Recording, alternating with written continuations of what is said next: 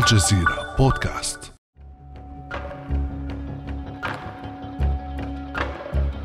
مستلقيا مسترخيا وبكشرة واثقة تخترق عدسات نظارته الشمسية يأخذ الرئيس المصري الأسبق حسني مبارك نظرة إلى ساعته السويسرية الفاخرة فيما تحمله أكف الراحة من المحكمة إلى مستشفى عسكري حيث يقضي أواخر محكوميته. اليوم وبعد عامين على رحيل مبارك تعود تلك الصورة إلى الأذهان بينما يستمع المصريون إلى بيان غير مسبوق يلقيه ابنه جمال. بالفعل إذن لم يكن الزمن قد توقف بالنسبة لمبارك وأسرته رغم كل ما جرى لهم منذ ثورة يناير عام 2011 يحتفي جمال في خطابه بسقوط قضايا اختلاس وغسيل أموال بحق آل مبارك أمام محاكم أوروبية. لكن تلميحات سياسية خجولة كافية لبث الروح في ذلك الجدل القديم المستقبل السياسي لأبناء الرئيس فهل يمهد آل مبارك لإعادة إحياء ملف توريث الحكم في مصر أم أنهم يسعون فقط إلى إعادة الاعتبار لسمعتهم؟ وما سر تزامن الخطاب مع حديث الحكومة المصرية عن فتح الباب للحوار؟ وهل يحظى جمال مبارك بدعم أطراف إقليمية؟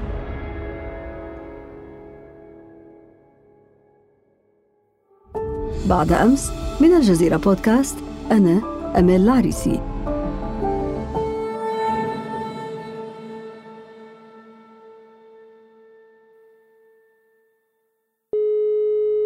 في هذه الحلقة يسعدني استضافة الكاتب والصحفي الأستاذ عبد الرحمن يوسف. أهلا وسهلا بك أستاذ عبد الرحمن. أهلا وسهلا أستاذ أمال وأهلا بالسادة المستمعين. بسم الله الرحمن الرحيم. أيها المواطنون في هذه الظروف العصيبة التي تمر بها البلاد قرر الرئيس محمد حسني مبارك تخليه عن منصب رئيس الجمهورية وكلف المجلس الأعلى للقوات المسلحة لإدارة شؤون البلاد. والله الموفق والمستعان. منذ هذه اللحظة صار الرئيس المصري الأسبق حسني مبارك في خبر كان في السياسة المصرية بعدما ملأ أم الدنيا وشغل الناس لأكثر من ثلاثة عقود. ومنها انطلقت متاعبه هو وعائلته مع القضاء المصري والدولي قبل أن يرحل تاركا وراءه من يبحث عن تبييض صحيفة لطختها السياسة والمال. أستاذ عبد الرحمن منذ الإطاحة بنظامه عقب الثورة الخامس والعشرين من يناير 2011 تعرض الرئيس حسني مبارك وعائلته لما يشبه النكبة حيث حكم عليه هو ونجليه بالسجن في تهم فساد وتم التحفظ على أموال العائلة بعدد من الدول بالخارج هل أجملت لنا أستاذ عبد الرحمن المآل السياسي والاقتصادي والقضائي لمبارك وعائلته منذ تنحيته وإلى حدود وفاته؟ نعم فيما يتعلق بالمآل السياسي للمبارك فنحن نعلم أنه بدأ بالإطاحة به ثم يعني سقوط رموزه وبدأ الحديث عن ما سمي الفساد السياسي والاقتصادي والجنائي في عهده وبالتالي يعني سقط مبارك تماما إلا من أذهان المصريين إلا من بعض محبيه وبدأ الخروج إلى العلن الكثير من الخبايا الخاصة بعصره. أما فيما يتعلق يتعلق بالمآل الاقتصادي فحدث أن جمدت أموال آل مبارك في الخارج منذ مارس بسبب أنه تعرض هو وأسرته لقضايا تتعلق بهذه الأموال الموجودة في الخارج واعتبر الجانب الأوروبي أو محكمة العدل الأوروبية حينذاك أن هناك نوع من أنواع الشبهات حول هذه الأموال وبالتالي كان هناك قرارا بتجميد هذه الأموال أو استخدامها. فيما يتعلق بالمجال القضائي أو المآل القضائي وهو صلب المسألة في هذا الشأن هو أنه قد تعرض لعدة محاكمات من بينها محاكمة القرن وهذه المحاكمة الجزء الجنائي منها أو الشق الجنائي منها كان قضية قتل المتظاهرين وكان هناك أيضا قضية القصور الرئاسية وأيضا قضية هدايا الأهرام وقضية مسألة الكسب غير المشروع مجموعة من القضايا الاقتصادية والجنائية إلا أن القضية الأبرز فيها كانت قضية القصور الرئاسية والتي أدين بسببها مبارك ونجليه في حكم عام 2015 وأكد هذا الحكم في من محكمة النقد في يناير 2016 ولكن مبارك وعائلته رفض دفع الأموال الخاصة بهذا الشأن ويعني مكث ستة أشهر في السجن تعويضا عن هذه الأموال. وهذا هو الحكم الوحيد البات الذي صدر ضدهما. كان هناك أيضا قضية ذات إشكالية مهمة وهي قضية حسين سالم قضية الفيلات الخاصة بشرم الشيخ حيث يعني أخذ مبارك بالوصف القانوني كموظف عام عطية من حسين سالم رجل الأعمال المقرب منه عبارة عن أربع فيلات وقصر في إحدى المناطق المميزة في شرم الشيخ إلا أن هذه القضية سقطت بالتقادم لقصور أو لعوار في قانون الجنايات المصري يتعلق بالتقادم في مثل هذه القضايا عشرة سنوات لمبارك وثلاثة سنوات لنجليه وبالتالي كان هناك نوع من أنواع الإدانة لكن على المستوى الإجرائي كان هناك نوع من أنواع البراءة وبالتالي هي براءة إجرائية وليست براءة حقيقية. لكن في القضايا الأخرى للأسف في قضية هدايا الأهرام تم رد الأموال في قضية محاكمة القرن حصل على براءة في يعني على مستوى النقد حينما أعيدت المحاكمة مرة أخرى. وكان هناك أيضا في قضية الكسب غير المشروع ترك الأمر لوزارة العدل ولم يصلوا إلى شيء.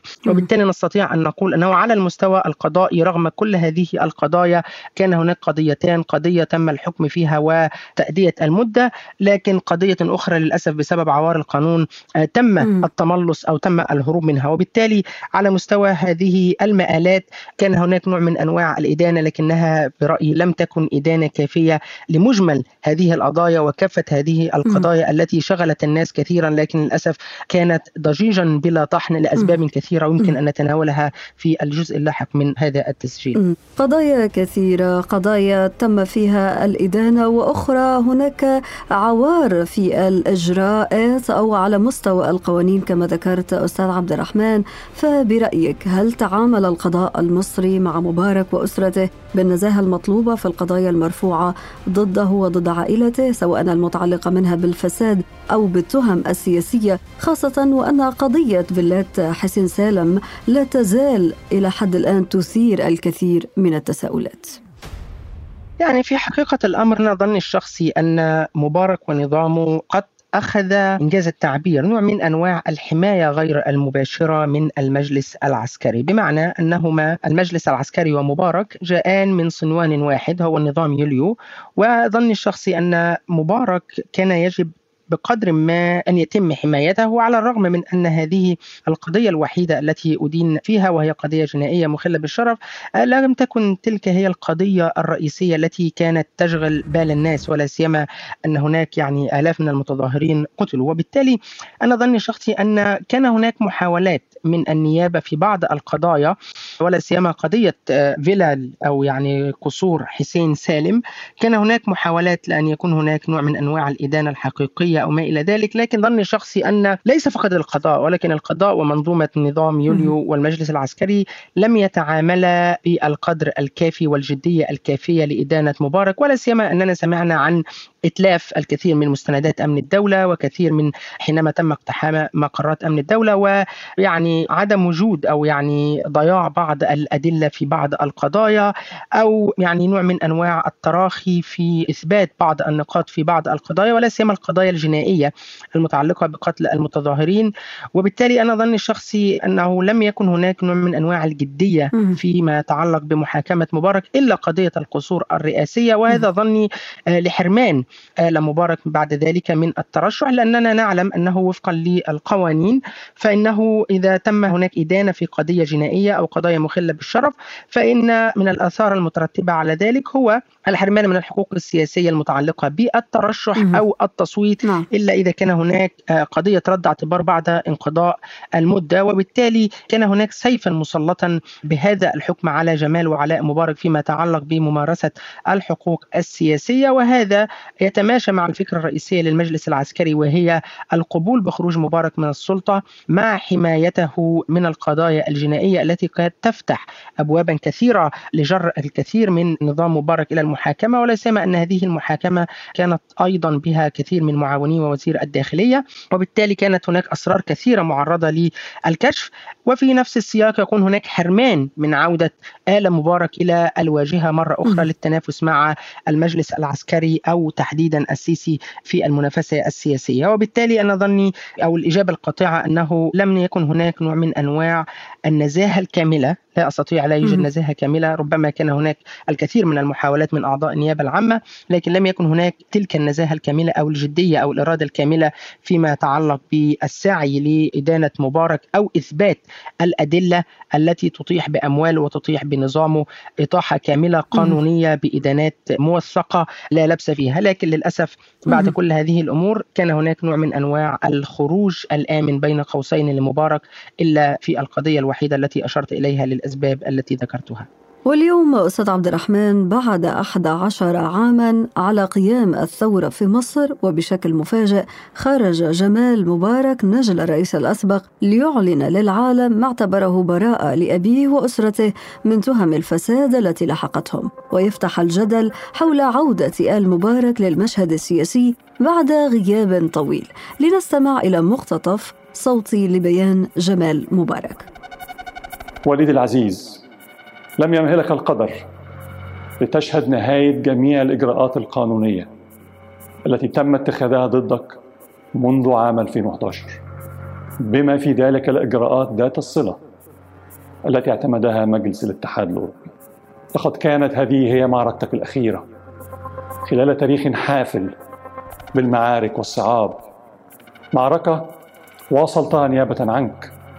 معركة واجهتها أنت بصبر وببسالة بعد أن أفنيت عمرك في خدمة الوطن محاربا من أجله ومدافعا عن مصالحه أستاذ عبد الرحمن ما هو سياق هذا الظهور المفاجئ لجمال مبارك محليا وإقليميا؟ نعم السياق هو قرار محكمة العدل الأوروبية بإلغاء أحكام سابقة أو تأكيد الحكم السابق لها فيما يتعلق بتجميد أموال حسني مبارك وعائلته والإفراج عن ما يقرب من 400 مليون فرنك سويسري بعد الإفراج عن 200 مليون آخرين بما مجموع نحو 11 مليار جنيه مصريا. والمحكمة الأوروبية ألزمت مجلس الاتحاد الأوروبي بدفع تكاليف التي تكبدتها عائلة مبارك مبارك في الدعوة القضائية. وهذا الأمر يعني كما أشار جمال مبارك في بيانه أسدل الستار على تلك القضية الأهم أو يعني تلك القضية الأهم أوروبيا آه، فيما يتعلق بتجميد الأموال الخاصة بالمبارك. إلا أن المحكمة لم تكشف عن مجموع الأموال التي سيتم رفع التجميد عنها وستكون يعني متاحة تماما بعد انقضاء فترة الطعن الخاصة من المجلس والتي تبلغ نحو 70 يوما. وكما ترين أنه يعني قد خرج بهذا الخطاب قبل انقضاء مدة ال 70 يوما لأنه ليس من المرجح أو المحتمل أن يكون هناك طعن من المجلس. وبالتالي هذا دفع جمال مبارك للخروج بهذا البيان الذي يعني اعتبره انتصارا في هذا الشأن أو في هذا السياق. السياق. أيضا يعني الدلالة الأخرى أو يعني السياق الآخر الذي اخرج جمال مبارك لهذا الشأن أنه يعني وربما لأول مرة نراه خارج مصر هو وشقيقه حينما ذهب إلى تعزية آل زايد في وفاة والدهم. وبالتالي يعني كان هناك نوع من أنواع السياق الخاص بربما نستطيع ما نقول عنه بين قوسين الخروج من مصر أو التمكن من الخروج من مصر فضلا عن مسألة استرداد الأموال الأموال وإلغاء هذا الحكم ولا سيما أن الحكم تحدث عن بين قوسين عدم وجود أدلة وعدم يعني حصول المتهمين على يعني الحقوق الإنسانية فيما يتعلق بنمط المحاكمة وإجراءات سير المحاكمة الخاصة بالأموال الخاصة بهما وبالتالي م. لم يكن الأمر فقط مسألة استرداد أموال أو الإفراج عن بعض الأموال ولكن بعض الحيثيات اعتبرها جمال مبارك وعائلته نوع من أنواع الانتصار أو نوع من أنواع عدم وجود نزاهة أو عدم وجود نوع من أنواع العدل فيما يتعلق بطريقة المحاكمة الخاصة الخاصة بالأموال المنسوبة إلى عائلتهم. أستاذ عبد الرحمن برأيك ماذا أراد جمال مبارك أن يقول للمصريين وللعالم من خلال هذا البيان الذي قرئ باللغة الإنجليزية أيضا؟ أستاذ عبد الرحمن الشعب المصري ثار على جمال مبارك وعلى أسرة الرئيس الأسبق مبارك وذلك من أجل كل هذه التهم خاصة منها المتعلقة بتوريث الحكم وما تم تداوله في تلك الفترة. يعني أنا ظني الشخصي أن جمال مبارك تحدث للعالم اولا قبل أن يتحدث إلى المصريين. تحليلي أن هذا البيان في مقامه الأول ليس عودة سياسية بقدر ما هو بيان لرد الاعتبار وطي صفحة يعني لاحقت. آل مبارك من وجهة نظره بطبيعة الحال. آه صفحة يعني ملطخة بالسواد لاحقت مبارك وآله منذ سقوطه أو منذ الثورة عليه حتى سقوطه ومحاكمته ووفاته وحتى الآن. وبالتالي أنا ظني الشخصي أنه في المقام الأول أراد أن يقول أنهم عادوا أقوياء لأنه قال نصا لن نصمت بعد الآن. هذا يعني أنه إذا كان هناك أي محاولة للتعرض لهما فإنهم سيردون الصعصعين أنه قادر أراد أيضا أن يقول أنه قادر على المبارزة الدولية لأن هذه القضية كانت قضية دولية في أوروبا تتعلق بملايين آه، من الأموال وربما مليارات لأننا لا نعرف الحسابات آه، السرية ولا نعرف مجموع ما يمتلكونه بالتحديد خارجا. أراد أيضا أن يقول أنه ربما يكون قادرا على العودة سواء العودة السياسية أو العودة الاقتصادية أو حتى العودة على المستوى الاقتصاد الدولي أو على مستوى البيزنس الدولي لأن جمال مبارك جزء من حياته كان في إنجلترا والشركة المحاماة هي شركة إنجليزية فربما يكون لديه خطط للاستثمار في الخارج أو بدء صفحة جديدة استثمارية في الخارج. وبالتالي ربما أراد أن يرسل رسالة إلى الخارج أنه الآن على المستوى الإجراءات وعلى مستوى القوانين نظيفا تماما وبالتالي يمكن أن يكون شريكا محتملا. وبالتالي أنا ظني أنها طيب. إذا أردنا أن نضع ثلاث مستويات فالمستوى الأول هو بيان للخارج لرد الاعتبار. المستوى الثاني هو بيان للداخل لطي الصفحة وإرسال رسائل تهديد مبطنة بأنه لا يمكن للتعرض لهم مرة أخرى. الأمر الأخير هو أنه يمكن أن يعود مرة أخرى سياسيا أو استثماريا على المستوى الداخلي أو الخارجي. بالنسبة للإمكانية الثالثة وهي إمكانية العودة السياسية وهذا ما أشار له العديد من المتابعين للشأن المصري أستاذ عبد الرحمن خاصة وأن هذا البيان تزامن مع القرارات الخاصة بما بات يعرف بالانفتاح الحالي في المناخ السياسي المصري بعد دعوة الرئيس المصري عبد الفتاح السيسي إلى حوار سياسي شامل في البلاد. أنا ظني الشخصي أنه لا انفتاح في مصر الآن. هذه يعني تسمية خاطئة. هي محاولة انفتاح شكلية محاولة إجراء حوار من أجل كسب الوقت وترويج للأمل الكاذب. ولا أعتقد أن جمال مبارك كان معنيا بهذه الدعوة من السيسي. بالعكس السيسي يعتبر جمال مبارك نوع من أنواع التهديد الشعبي. ليس التهديد للحكم. مبارك لا يستطيع أن يزيح السيسي من الحكم بمفرده ولا أعتقد أنه يمثل تهديدا مباشرا للسيسي على مستوى كرسي الحكم. لكنه يمثل تهديد تهديدا على مستوى الخصم من الشعبية. شئنا أم أبينا آل مبارك لهم الآن شعبية. ما بين يعني ما يمكن أن نطلق عليهم السيساويين الجدد الذين هم تركوا نظام مبارك ثم انحازوا إلى النظام السيسي لأنهم ينحازون إلى فكرة الدولة أي ما كانت تفعله هذه الدولة. وبالتالي هو ربما يهدد شعبيته لكن هل يمكن أن يعود جمال مبارك سياسيا؟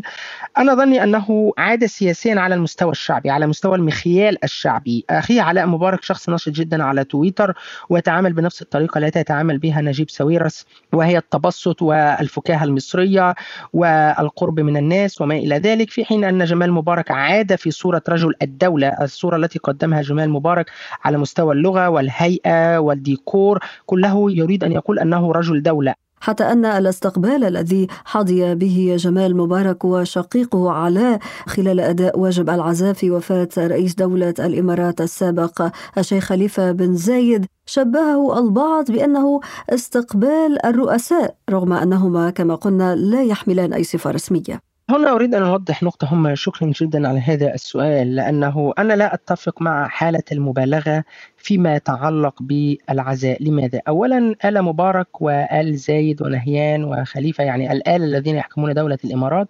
العلاقة بينهم وبين مبارك كانت علاقة جد حقيقية قوية. هذه نقطة هامة جدا. هذا العداء جمال وعلاء مبارك سمح لهما بالسفر لأن كان هذا سيكون نقطة ضد النظام المصري في علاقته مع الإمارات لأن هذا في النهاية أمام الناس بغض النظر عن الكواليس السياسية هو عزاء. وفكرة العزاء في مصر والموت في مصر والعالم العربي لها هيبتها ومكانتها. ظني الشخصي أن الاستقبال اللذان حظي به لايك جمال وعلاء مبارك آه، ظني أنه يتناسب مع طبيعة العلاقة بين مبارك وآل زايد لأن آل زايد أو الإمارات بصفة عامة هي دولة ساندت مصر في الانقلاب لأنها كانت ضد الثورة قلبا وقالبا. لم يكن الأمر يتعلق بشخص السيسي لم يكن يتعلق م. الأمر بشخص أو أشخاص المؤسسة العسكرية. هذا الأمر كان يتعلق بإسقاط الثورة في مصر وإعلان نجاح الإمارات والسعودية في الانقضاض على الثورة. المصرية خشية أن يتم تصدير هذه الثورة إلى تلك الدولتين أو أن يكون هناك أي نوع من أنواع الأنظمة المستقلة التي لا تخضع للوصاية السعودية أو الإماراتية. لأنهما الدولتان الأكثر رغبة في الوصاية على مصر ضمن دول الخليج. وبالتالي ظني الشخصي أن مسألة العزاء فيها قدر من المبالغة على مستوى الرسائل السياسية، هذه ليست رغبة من الإمارات أن يحكم جمال مبارك. ولكن أستاذ عبد الرحمن هذا فتح الجدل بخصوص إمكانية أو احتمالية تلقي جمال مبارك الدعم سواء الداخلي كما ذكرت أنه يحظى بشعبية أو على المستوى الخارجي في يعني ربط بحضوره للعزاء في الإمارات. علينا أن نفرق بين مستويين رئيسيين بين عدم الممانعة وبين الدعوة. هذه ليست دعوة لأن يحكم جمال مبارك.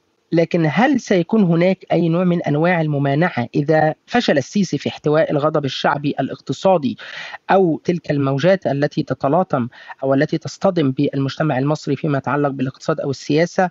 هل سيكون هناك رفض لجمال مبارك من المجتمع الدولي أو من المجتمع الخليجي ولا سيما الإمارات والسعودية؟ أنا أقول لا لن يكون هناك ممانعة وجمال مبارك ربما يكون بديلا محتملا لكن هل هذه دعوة لجمال مبارك أو تأييد لجمال مبارك أو دفع لجمال جمال مبارك بأن يكون بديلا للسيسي أنا أقول أنه لا وبالتالي علينا أن نفرق تماما ما بين القبول والدعوة. سيكون هناك قبول إذا كان هناك احتمالية يعني كما نقول بالإنجليزية أو يعني كما نقول افتراضيا hypothetically افتراضيا. افتراضيا جمال مبارك ليس شخصا أو علاء مبارك تحديدا بالمناسبة لأن علاء قد يكون بديلا أيضا. لا يوجد أي مشكلة بالنسبة للخليج أو الدول الخارج خاصة بعد هذا البيان في أن يحكم هذان الشخصان. لكن في نهاية الأمر الذي يحدد رئيس مصر بشكل كبير ليس هو الخارج. المؤسسة العسكرية بشكل رئيسي هي التي تحدد أو توافق أو لا تمانع عن الرئيس الذي يحكم مصر. وهل سيسمح النظام المصري والمؤسسة العسكرية بعودة جمال أو علاء مبارك كما ذكرت؟ في حقيقة الأمر هذا السؤال معقد لأنه المؤسسة العسكرية في نهاية الأمر لم تكن راضية عن التوريث أو الطريقة التي كانت تدار بها مصر في العشر سنوات الأخيرة لمبارك منذ ظهور جمال مبارك على الساحة عام 2002 وتوليه لجنة أمانة السياسات. لكن جرى في النهر ماء كثيرا. الآن المؤسسة العسكرية تحكم بشكل مباشر. لا يوجد وسطاء. يتحكمون في كل شيء ويديرون كل شيء. ولا أحد يخفى عليه أن المؤسسة العسكرية والمؤسسات الأمنية ولا سيما السيادية هي التي تملك كل شيء في مصر بشكل واضح مباشر لم يعد هناك وكلاء. وبالتالي أنا أتفق مع الجميع أنه إذا سقط حكم السيسي ربما سيكون هو آخر رئيس عسكري بشكل ما وبالتالي قد تحتاج المؤسسة العسكرية إلى واجهة مدنية من خلفية عسكرية. جمال مبارك لم يدخل الجيش لكن من عائلة مبارك الذي كان قائدا في القوات المسلحة في حرب 73 فهل توافق؟ أنا ظني الشخصي في هذه الظروف وفي هذا السياق أنه قد يكون هناك موافقة أو عدم ممانعة إذا لم يكن هناك رغبة في أن يتم الحكم بهذه الطريقة المباشرة الفجة من المؤسسة العسكرية والمؤسسات الأمنية. وأنا أشرح هذا الأمر بالتفصيل لأنني أتفق أن المؤسسة العسكرية لم تكن ترغب في رئيسا مدنيا خالصا ولم تكن ترغب في أن يكون جمال مبارك هو رئيس مصر. لكن يعني افتراضيا إذا سألني أحد السؤال فإجابتي أنه في هذا السياق تحديدا وبعد أن جرى في النهر ماء كثيرا فربما يكون هناك قبول آه، بأن يكون آه، جمال أو علاء مبارك ضمن الزمرة التي تحكم آه، مصر. وإن كان يعني كما أقول دائما يعني هذا أمر افتراضيا جدا لأنني لا أرى أن عرش السيسي مهددا بهذا الشكل الكبير حتى الآن من خارج المؤسسة العسكرية. بما أننا أستاذ عبد الرحمن نتحدث عن فرضية عودة سياسية لجمال أو علاء مبارك. لنفترض هذه الفرضية. إذا عاد للحياة السياسية برأيك هل يملك جمال مبارك على وجه الخصوص مقومات النجاح السياسي على ضوء تجربته السياسية السابقة؟ وخاصة أننا نتحدث عن وضع اجتماعي واقتصادي يعني خطير في مصر.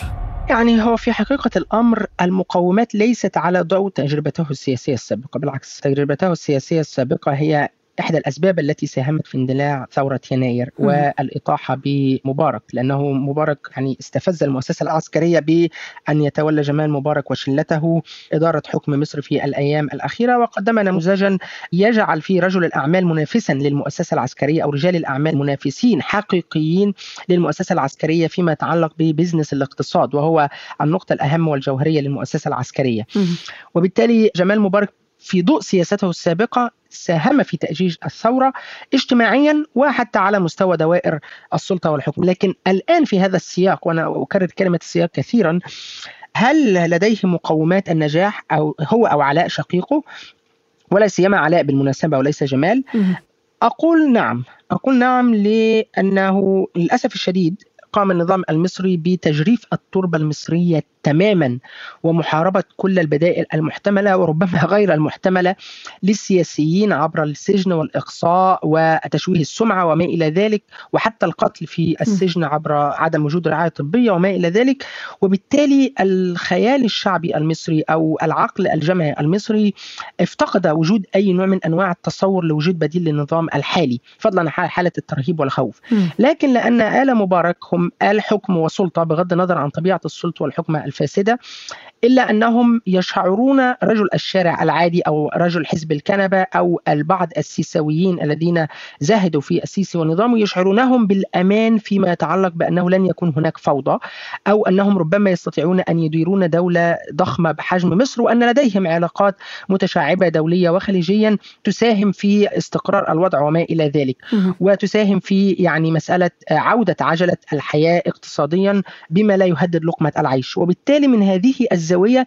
نعم أنا لا أريد أن أحصرها في جمال. آل مبارك وخاصة علاء مبارك يملكون الآن في هذه اللحظة بسبب هذه الأمور والظرف الحالي اقتصاديا واجتماعيا وسياسيا نعم يملكون مقومات النجاح إذا ما كان هناك أي نوع من أنواع الافتراضات بالإطاحة بالسيسي أو عدم رغبة المؤسسة العسكرية في استمرار دعمه أو الرغبة في استبداله.